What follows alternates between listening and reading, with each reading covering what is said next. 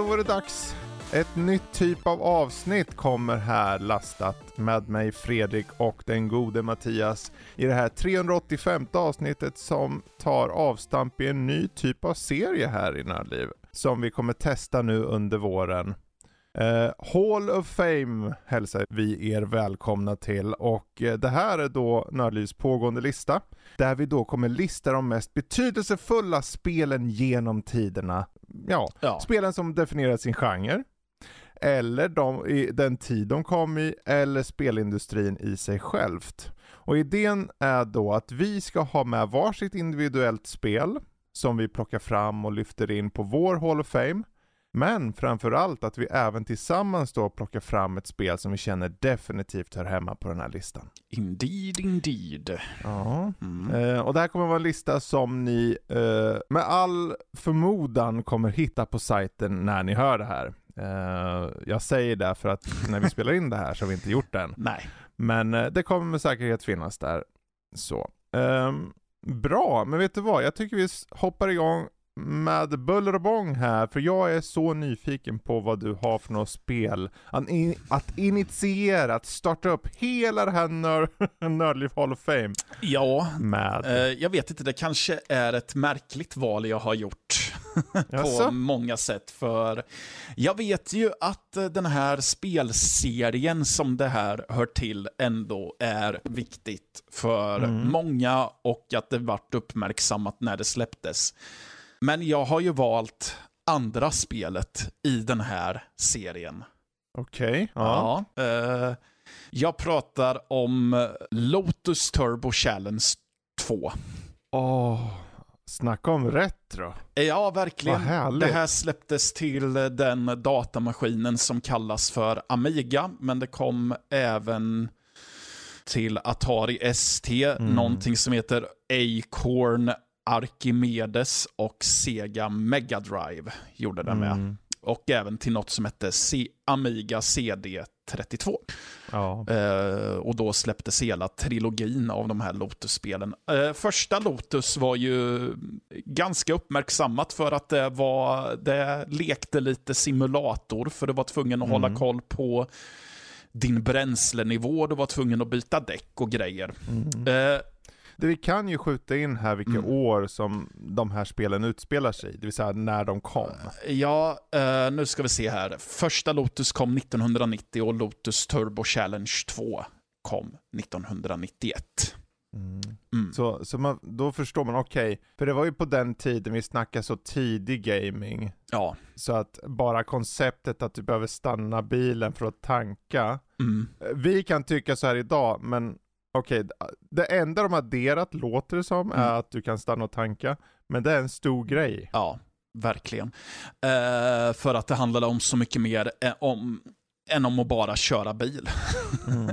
Men i alla fall, i, eh, varför jag valde tvåan, det är för att Mm. det är primärt för att det var det jag spelade mer. Eh, de, flytt, de ändrar genren lite här, eller ändrar sitt sätt att vara. De släpper att det är att du kör på en racingbana med varv, utan här är det mer någon slags lång time trial-bana du kör på. Så att du, målet handlar om att ta sig till mål, men det handlar också om att ta sig, om, ta sig till checkpoints på banan. Så det var eh, kanske inte nödvändigtvis handlade om att gruffa med de andra bilarna så mycket annat än om att nu handlar det mycket mer om att du ska köra fort. Eh, och du behöver inte tanka och så heller. Eh, och det hade också lite roligt med sitt koncept för att på banan så stöter du även på lite hazards. Och det var ju här jag tror att de verkligen utvecklade bilgenren mer att du kunde stöta på vattenpölar som gör att du kan sladda av banan. Du var också tvungen att, eh, det här är ju i och för sig lite overkligt, att du var tvungen att med bilen hoppa över stockar som helt plötsligt låg på vägen. Och sen så eh, var det ju också väldigt roligt tyckte jag som liten parvel när man lyckades åka under lastbilsflak. Och föraren ger ifrån sig ett jiha! så. Ja, alltså det här är ju, det är kul du tar just den här för att den ligger mig varmt om hjärtat också. Mm. Um, och just hela spelserien för övrigt, just dess spelmusik, är Ja. musik som jag faktiskt än idag har på spellistan inne på Spotify. Gud ja, alltså jag Ehm. satt ju innan vi ens började att spela där så uh, vart jag så här, men just det, musiken, eh, hur lät den nu Mm. igen? Och sen, åh, just det, den, den, den är superbra verkligen. Precis, det är som att det är så här, det, det var ju en tid där man inte riktigt hade, vad ska man säga, den här tanken om gränssnitt eller hur en helhet ska vara. Utan många gånger var spel så här, olika delar bara, ibland bara lyckades det skapas en, en symbios. Ja. Här kändes det som att okej, vi har ett spel som handlar om fart, det handlar om känsla, det handlar om eh, ta kurvor och allting. Och hur får vi det, hur får vi det liksom in i musiken. Mm. Och, och då får de in dig i musiken, känslan så här. Mm. Och lyckas så jäkla bra. Ja. Det här spelet var, tror jag körde mycket på att just när du körde så var det i stort sett bara motorljudet du hörde. Ja. Men det var ju menymusik som du definitivt sitter och diggar till. Och eh, ja, nej, alltså det är vä- väldigt mycket glädje som kommer Mm. när jag tänker på det här spelet. Så. Absolut. Och när jag och min bror satt och blev osams när vi körde split screen för att eh, vi var ju så pass små så att man fortfarande satt och typ svängde med kroppen. Mm. Och så här, men sluta du tränger ju bort mig från stolen ditt as. Och så. Precis. Mm. Ja, ja, det var ju framförallt var det ju första spelet hade ju fuel limit och liknande. Jag Mm. tror det var, var inte det droppat på tvåan? Jo, det var det. Det hade inte det. Ehm, Och du hade inte, första spelet hade ju också svårighetsgrader. Mm, Det hade du inte här heller, utan det var bara eh, ett rent mm, spel bara. Så. Och eh, Ja. de här time, tr- det var väl mer som ett, eh, vi kan väl säga så här, det var väl mer som ett outrun fast utan action-aspekten. ja, ungefär. Mm. Och, men det var så här, det var, en, det var så att det kändes som att utvecklaren tänkte, okej men hur får vi spelarna i, i tänk i dåtid då. Mm. Hur får vi spelarna att verkligen känna att ni sitter i bilen, att ni, att ni andas in den här, det här racet, den här känslan av att färdas snabbt jäms med vägarna. Ni hör bilen, ni tar kurvor, ni befinner er i nuet liksom. Och där fångar de Mm. så jävla väl. Liksom. Jajamän. Och det är ju just det att det är ingen musik när du kör, utan det, det är verkligen så här, det är du och bilen. Mm. verkligen. Ja.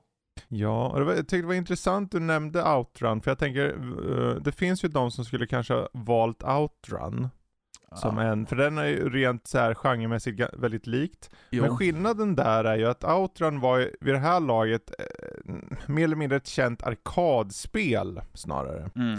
Eh, så vad är då skillnaden? Jo, att när då du satt med Amigan eller du satt med till och med Ja, det kan ju vara Sega, Genesis eller vilket, vilket Sega Mega Drive menar jag, eller Atarin. Då är det ju i hemmet. Att få den där första upplevelsen med det här spelet, som Mm. jag i ärlighetens namn finner på vissa sätt bättre eh, och mer, för mig, viktig och jag tror för he- hemmamarknaden mycket viktigare. Ja, jag tror det. Så jag menar frågan då, för Mm. hela syftet med det här avsnittet nu, ni som för första gången hör den här typen av serie, är att då, okej, vilk, vilka spel är det vi tar upp och hur de definierat sin marknad eller sin, sin genre och så. Och jag tror att här, så här ger det ett, liksom ett, ett tydligt tecken på, okej, vi kan, ni kan släppa den här typen av spel som Outrun hemma och inte bara att det slår stort, det blir någonting som alla kan sitta med. Mm. Precis. Och då tror jag Lotus Turbo Challenge 2 definitivt hör hemma på Nördlivs Hall of Fame. Ja, vad bra. så, jag, ibland blir jag så nervös att du ska ifrågasätta så mycket så här att nej, du, den här kommer absolut inte in. Din, din mås eller mård. Din måshörna. Ja, exakt. Ja, intressant. Ja men vad Mm. kul. Eh, jag vet, är, är det något uh, sista tidbit, något litet minne eller nostalgi eller något ytterligare skäl till varför du känner du det ska in på Hall of Fame som du vill?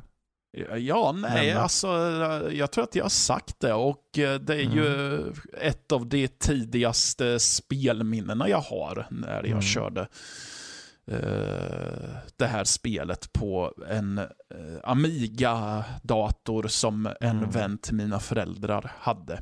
Och Mm. som sen, vi sen efter några år fick ärva av honom. Mm. Ja men då så, där har vi det. Och då hoppar vi över till mig med ett spel som först släpptes 1989.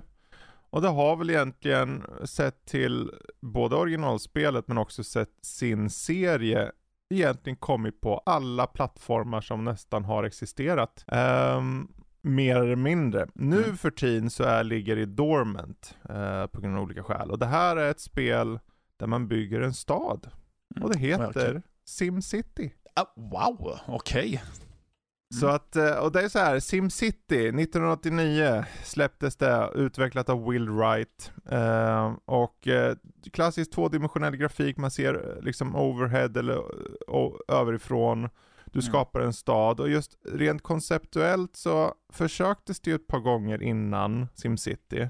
Eh, men det, blev, det var aldrig någon som riktigt lyckades få till den där balansen av underhållning, strategi och på ett sätt bara lekande. För att när du då ska, du bygger ju liksom bostadsområden, industriområden och kommersiella områden och sen så tillsätter du lite el på det. Mm. Och det var ganska basic, alltså väldigt basic. Eh, och du behöver då se till då att de som flyttar in, de har ju behov eh, och då försöker du tillgodose de här behoven. Eh, men samtidigt så behöver du ju överleva, så du behöver ju få in skatt.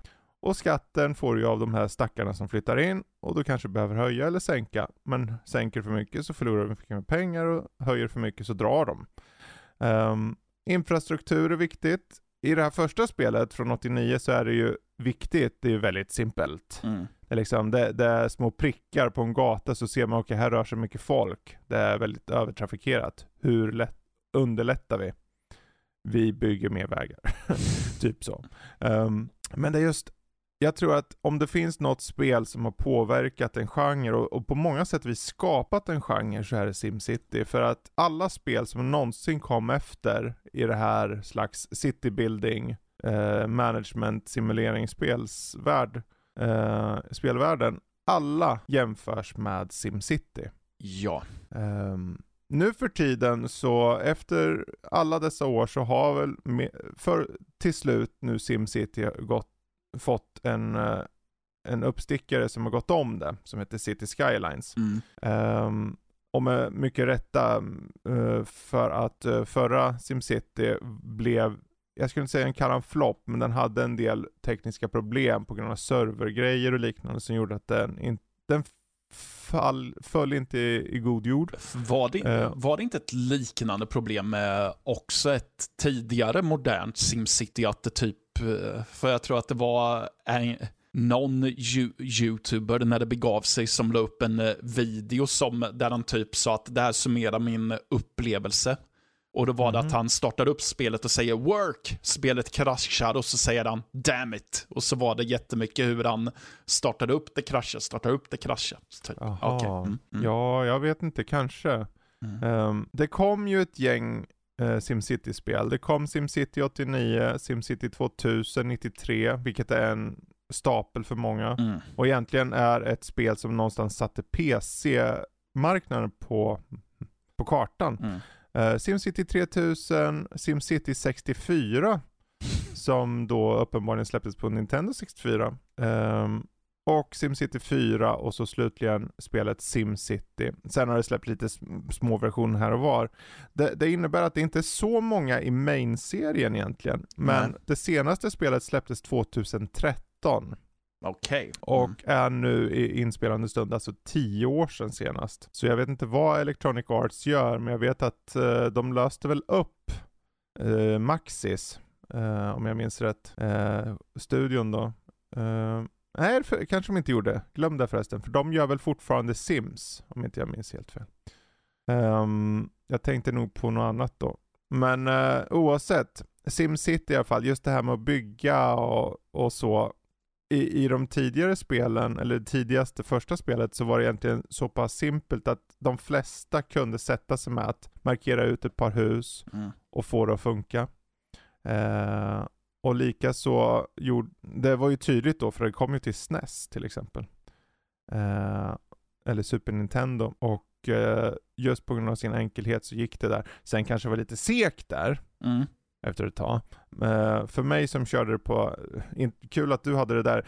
FY, vi vet inte om vilka spel vi har i det här läget. Så Nej. att det var kul, det var en överraskning för mig att han hade, att han hade Lotus Mm. från Amiga. För det här SimCity, SimCity körde jag också på Amigan då. Ja. Eh, även om väldigt många körde på i MS-DOS också på den här tiden. Körde du någonsin SimCity eller?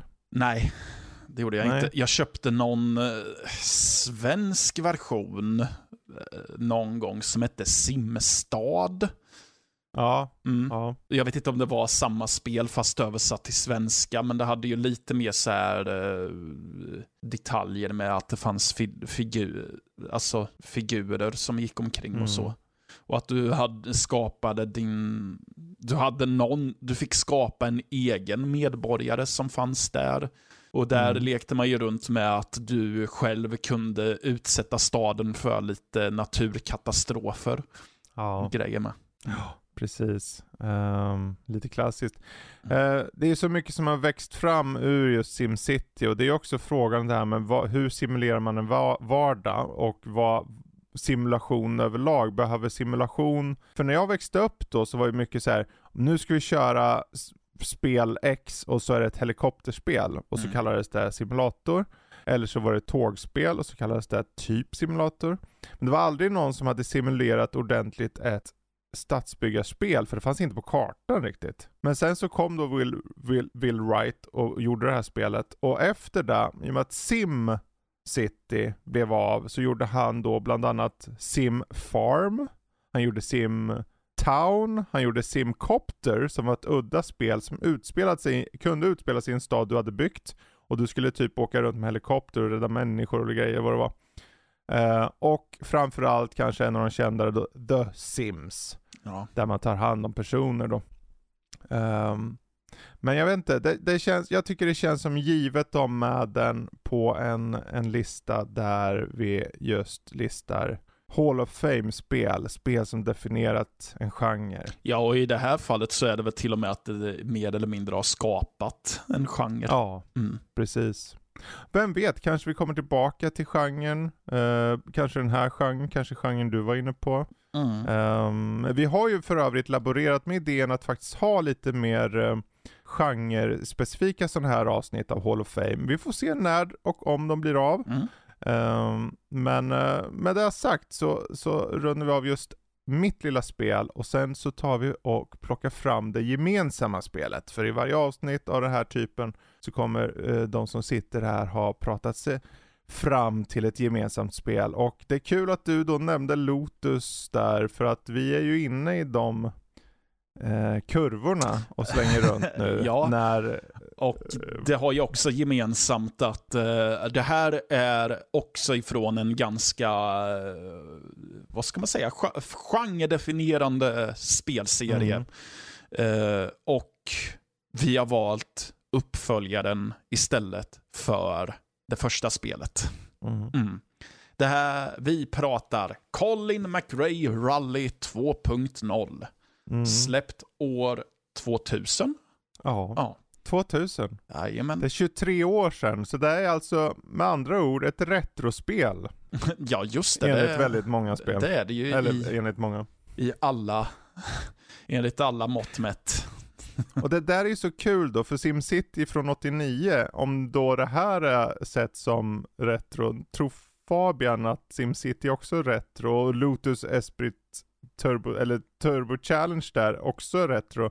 Man kan säga att det är lite retroavsnitt de här uh, Hall of Fame, Det, jag, om man så vill att det ska vara så liksom. Ja, ja, alltså Ehm. det, vi har väl inte sagt att det bara ska, kommer vara så kallade Nej. retrospel, men det, ja, det finns väl en risk att det blir så, framförallt eh, ja, vi som på ett eller annat sätt har passerat 30 i Precis. alla fall, så finns det ju en Precis. risk för det. Mm. Ja, och där kan jag ju säga redan nu innan vi pratar lite mer om Colin här att uh, idén är ju då att vi ska eh, blanda upp det vad det lider. Kanske jag och Matte ett par gånger nu här mest för att vi hittar formen lite. Mm. Men överlag så är tanken att det ska vara nördliv överlag så att, eh, och, och då innebär det att för, för varje konstellation så betyder det väldigt olika förutsättningar. Det vill säga, ta Jesper som är mycket yngre, Mm. men då kanske det blir helt annat sätt. Vad, vad är då ett genre-definierande spel för honom? Mm. Till exempel. Till exempel. Men, Colin McRae Rally 2.0, varför det är valt nu till att åka rakt in på Nördlivs Hall of Fame är framförallt skulle jag säga på grund av vad den gjorde för rallygenren Ja. eh, i, i, i spelväg. Men inte, det är så här, varför tar vi inte då första spelet? Första spelet representerar egentligen ungefär som en försäljare som kommer i dörren och hinner precis föra in foten innan du stänger. Det är Mm. så här, okej fine. Eh, ni har en väg in. Men Colin McRae Rally 2.0 cementerar, okej så här gör man ett rallyspel. Det handlar om tillgänglighet, det handlar om bilkörning, men det handlar också om detaljen med just hur specifikt rally är och hur Ja. du efter vissa eh, deletapper behöver fixa till bilen. Precis. Med, eh, Det, det är just lättillgängligheten jag tänker på. Mm. För eh, Colin McRae eh, Rally var ju det första rallyspelet som verkligen omfamnade rally.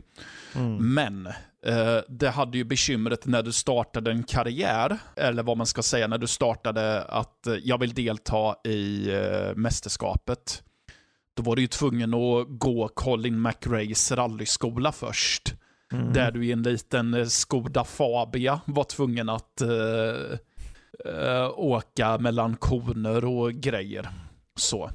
Medans i Colin McRae Rally 2 så hade man fattat att ja, men folk vill bara hoppa in i en eh, VRC-bil och bara spruta grus eller bränna Precis. asfalt. Så då Precis. sket man i att ha rallyskola utan tänkte att ja, men vi, vi kastar bara ut er på vägarna istället, för det är ju det ni vill. Ja. Mm. Och jag tror det märktes ju så av, så mycket av för att när de nu kom till andra spelet så var de så, eh, jag tror de hade självförtroende nu för de skalade ju ner lite på eh, gränssnitt och liknande, det vill säga det var inte lika mycket piraler och ditten och datten i, i där vad du såg, utan det var ganska avskalat ändå för sin tid. Mm. Eh, jag menar du ser ju inte ens, du har ju ingen karta eller någonting egentligen, du får ju bara angivelserna Ja. och du ser etapperna och Ja. tid och liknande. Mm. Och, eh, och det i sig gör att den här inlevelsen blir så mycket starkare. Precis. Ehm, och sen så är det ju då, i och med att de kör det här systemet ungefär som ett, ett riktigt rally med att du tar de här tids, eh, vad heter det, tids, eh, att du stannar och fixar bilen liksom ja, typ eh, serviceuppehåll. serviceuppehållen. Ja. Mm. Eh, så, så för sin tid så var det så här: okej det var lite av en sån här aha-upplevelse. Okej det kan göras och det kan göras roligt. Ja. För det kändes aldrig då som att det var för mycket. Nej, nej, nej. Eh, utan tvärtom, man var så här: wow vad man kan göra här. Sen är det så här: okej om vi nu bara kollar tillbaka, okej är, är det så att det idag skulle ses som ett hardcore simulatorspel? Nej, det skulle det inte. Jag skulle väl säga att i dagens mått mätt så är väl det här en så kallad simcade. För Mhm. att eh, simulatorbitarna det här med att du kan påverka bilen och så, och att laga den och allt det där. Det finns ju där, Mm. men det är väldigt enkelt. Mm. Som när du lagar bilen så bockar du bara i en, så sätter du en bock i en eh, krysslåda typ. Om, Precis. om du vill laga det och sen talar spelet om att huruvida du hinner eller inte. Mm. Så, medan det nu är så här att, ja, att du kan justera det i procent typ. Mm. Att, nej men jag tror att jag bara lagar karossen till eh, 80% för jag vill hinna Mhm. laga de här andra sakerna också. Ja just det ja. Ja. Ja, Ja, på det här planet så är ju Colin tacksamt eh, approachable på något sätt. Colin McRae Rally 2.0 i det att liksom du kan, ju, du kan ju då på varje den här lilla punkt, när det är på den här special eh, liksom servicestället då, Ja. så ser du ju som du säger, man ser ju lite också på varje del av eh, liksom de här sakerna som är dåliga, ser du Ja. också hur dåligt det är. ja. Och då, så här, då kan du ha en strategi, för du kan ju bara lämna, du kan ju bara fixa upp till 60 minuter i, i vad heter det? Ja, under serviceuppehållet. Ja. Ja. Och det kanske inte hinns med att fixa allt på bilen, så, så då behöver du i så fall ta ställning på, okej vad, vad behöver jag fixa först liksom? Vad är kanske mest sönder? Mm. Eller vad är viktigt för mig på nästa bana? För du kan se det här liksom, så, när du är på serviceuppehållet så ser du också kommande två banor och vilken, liksom, vilka förhållanden det råder på de här banorna. Precis. Mm. Ja. Ja, det jag tänkte på också, det är så här, vad det handlar om bilar och så. Eh, jag tror, för mig personligen så är det ju Subarun då, som, som står ut. eh, mest på grund av Colin och hans eh, arv. Även om- Definitivt. Även om han hade gått över till att köra Ford Focus när det här spelet släpptes. Exakt. Det är därför Exakt. det är en Ford Focus på omslaget. Mhm.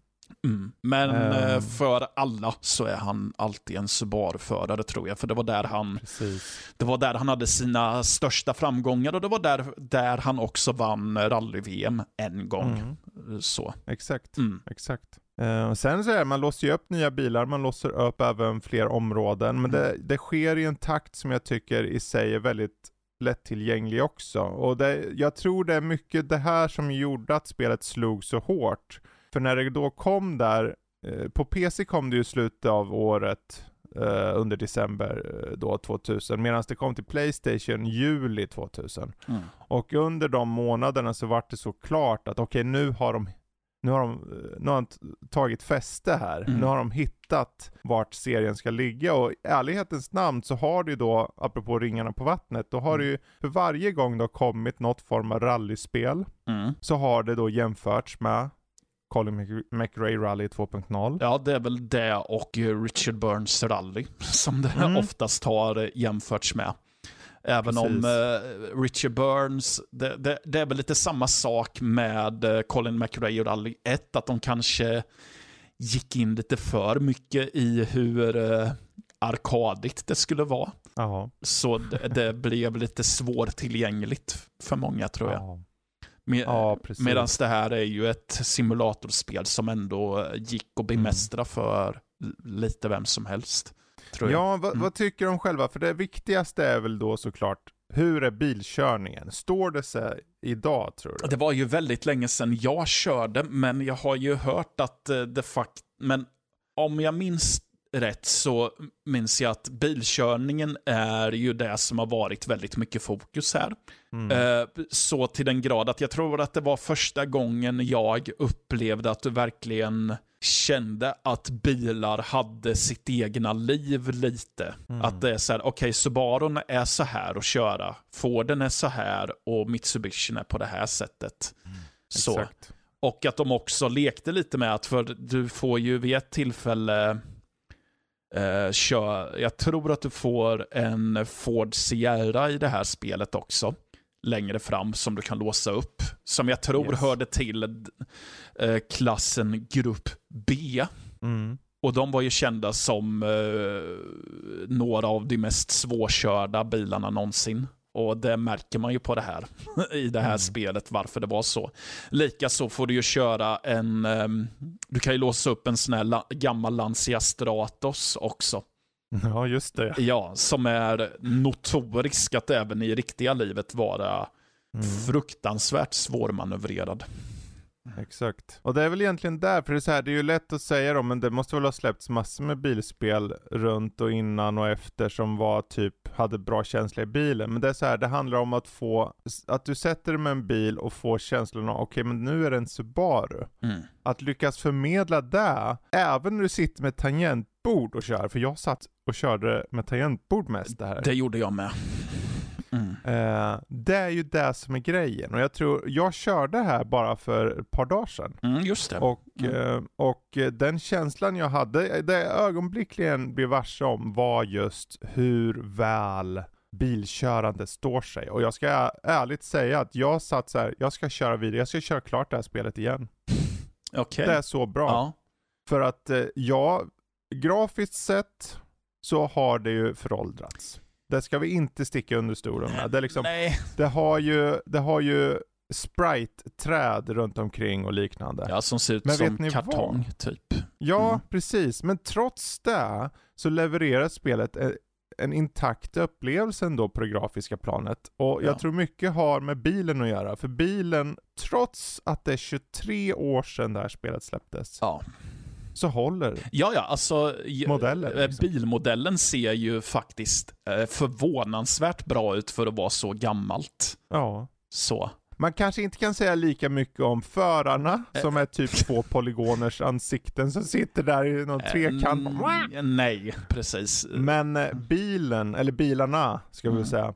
Eh, och jag, jag slogs av det faktum just att när jag satt och körde och tog de här kurvorna och var tvungen, okej släppa på gasen, släpp på gasen, mild broms, mild broms, på med gas, rakt in i kurvan, innan, alltså i kurvan, trycka gas. Mm. Alltså den känslan av att, att du behöver få kontroll över bilen, att du lär dig bilen. För i många andra spel, om vi tar så här, några lite mer arkadiga actionspel som Driver-serien eller liknande, så Ja. är det mer så här det är en svängig amerikanare, de Mm. ska vara lite, lite, lite motstånd i, det ska vara lite tufft. Men det är inte att det är bilen som dikterar, okej hur, hur kör jag spelet? Nej, du, du försöker bara ta det vidare till nästa uppdrag. Ja. Här är det ju bara så mycket viktigare liksom på något sätt.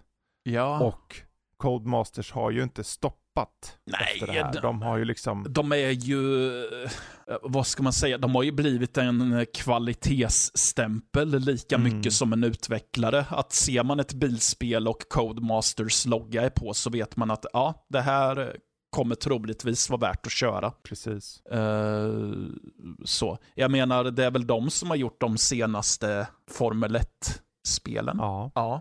Ja precis. Och, F1. ehm, ja, och jag har ju kört, ja, F1 21 körde jag tror jag. Mm. Och det var ju, det var mycket bättre än vad jag trodde för att, eh, ja men de har liksom en, de är så bra på att eh, få bi, ja men, fartkänslan rätt Mm. och att eh, känslan att kontrollera en bil lätt utan att det känns svårt eller avancerat lite. De har väldigt lätt att dumma ner det kanske är dumt att säga men ja, jag vet inte.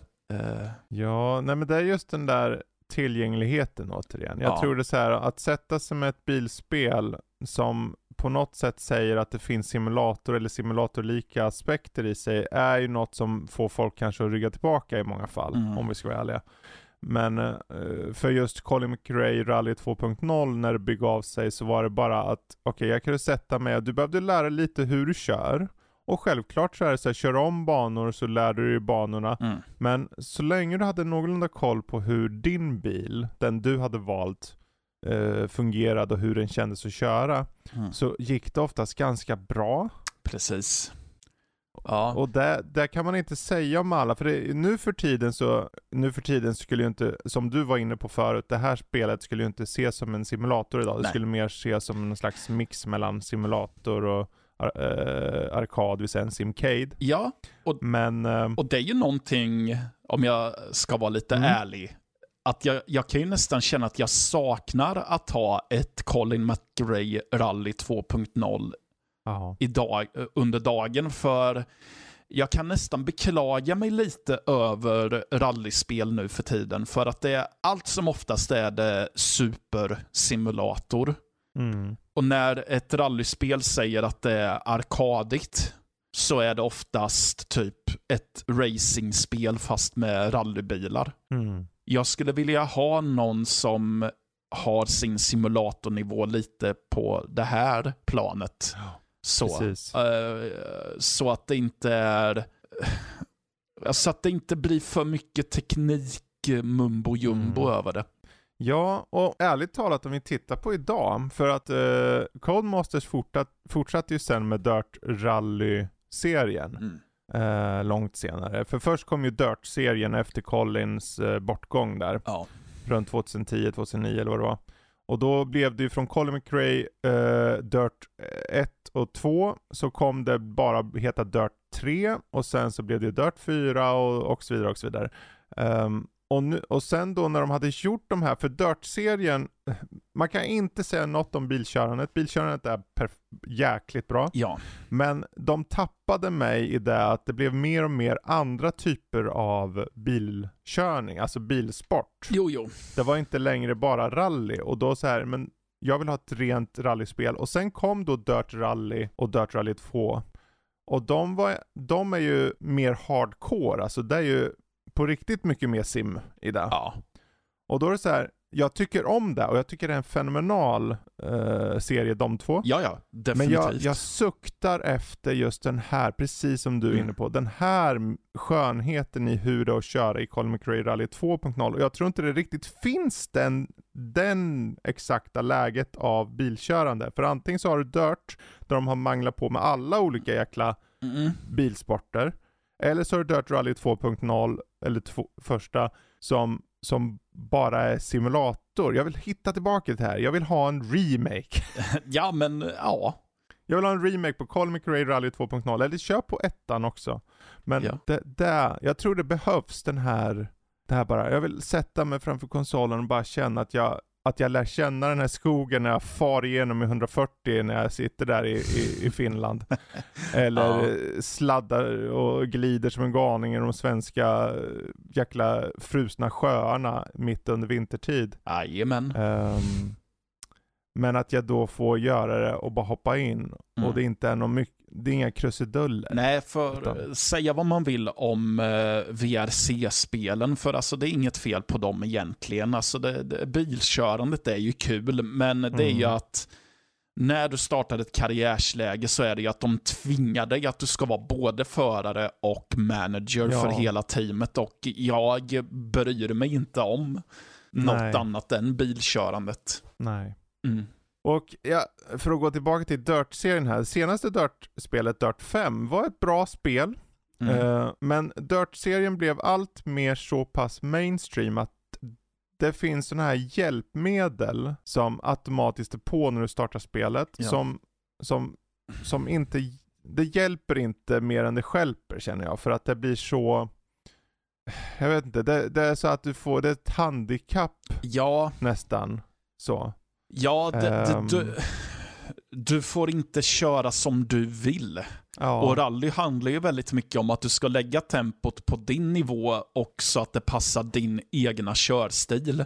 Precis. Eh, så. Men det blir så opersonligt när det typ finns som en default-inställning att bilen bromsar in och påbörjar mm. kurvan åt dig. Ja, och mm. här kommer ju balansering in. Mm. För jag valde ju då stänga av allt sånt mm. i Dart 5. Mm. Och då kände jag att det vart väldigt så här, men det här det är inte roligt heller. För Nej. då vart det plötsligt så att det var svårt att ta till sig hur man körde. Och, och kändes väldigt mycket sim. Mm. Så att det fanns som att det saknas den där mellan, den där mittenpositionen där ja. precis Colin McRae Rally 2.0 var en gång i tiden. Ja, precis. De har tappat det lite. Ja, uh, jag sitter ju nu och kör VRC Generations och de har, kör mm. ju på att du får köra en uh, teststräcka Mm. så rekommenderar de inställningar för dig. Och när Precis. jag körde det, så den, det enda hjälpmedlet som de sa att ja, men det här kan vi lämna på åt dig, ja. det är ABS, det vill säga antisladd. Ja, det.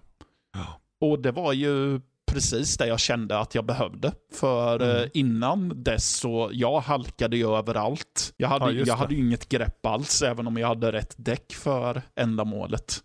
Mm.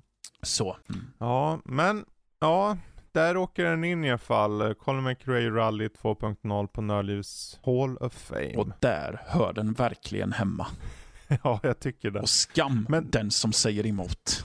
Ja, mm. skam er där ute om ni säger emot. Det är så här, vi kommer ju ha nu en längre period och, och, och göra den här typen av avsnitt.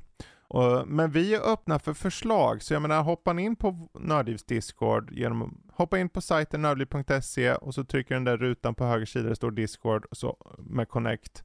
Kommer ni rakt in och så kan ni skriva i till exempel Q&A för eh, podden som chatten heter. Mm. Eh, ni kan skriva på andra platser också, men jag skulle rekommendera att ni skriver i Q&A för podden i den chatten. Så här, ja, vad tycker ni det här är värt? Tycker ni det här spelet är värt, eller det här, eller ditten och datten? Eller bara diskutera kring spelen vi har hittills förts in. Mhm. Um, det kommer ju vara en längre serie, så det finns ju en väldigt stor chans att de absolut största klassikerna förr eller senare dyker upp. Ja, så. så är det ju. Mm. Men grejen är så här, varför dyker de upp? Vad har de gjort för sin genre? Vad har de gjort för spelmediumet? Vad har de gjort för sin tid de kom i? Och vad har de gjort för oss? Det är där vi kommer gå in på, precis som vi gick in på, Mm. på de här tre spelen vi tog upp idag. Bra, men vet du vad? Jag tror vi ska ta runda av där. Det låter som en god Ja. idé. Mm. Precis. Ja, är det något ni vill ha mer av oss så är det bara att hoppa in på nördliv.se. Ni hittar allting mumsigt där. Eh, om inte annat så är ett ordinarie avsnitt tillbaka nästa vecka igen eh, med nyheter och allt. Och vilka som är med då, det återstår att se. Ja. Men jag och Matte tackar för den här gången och säger spela vidare där ute. Ja, Hej då. det gör ni rätt i. Hej då.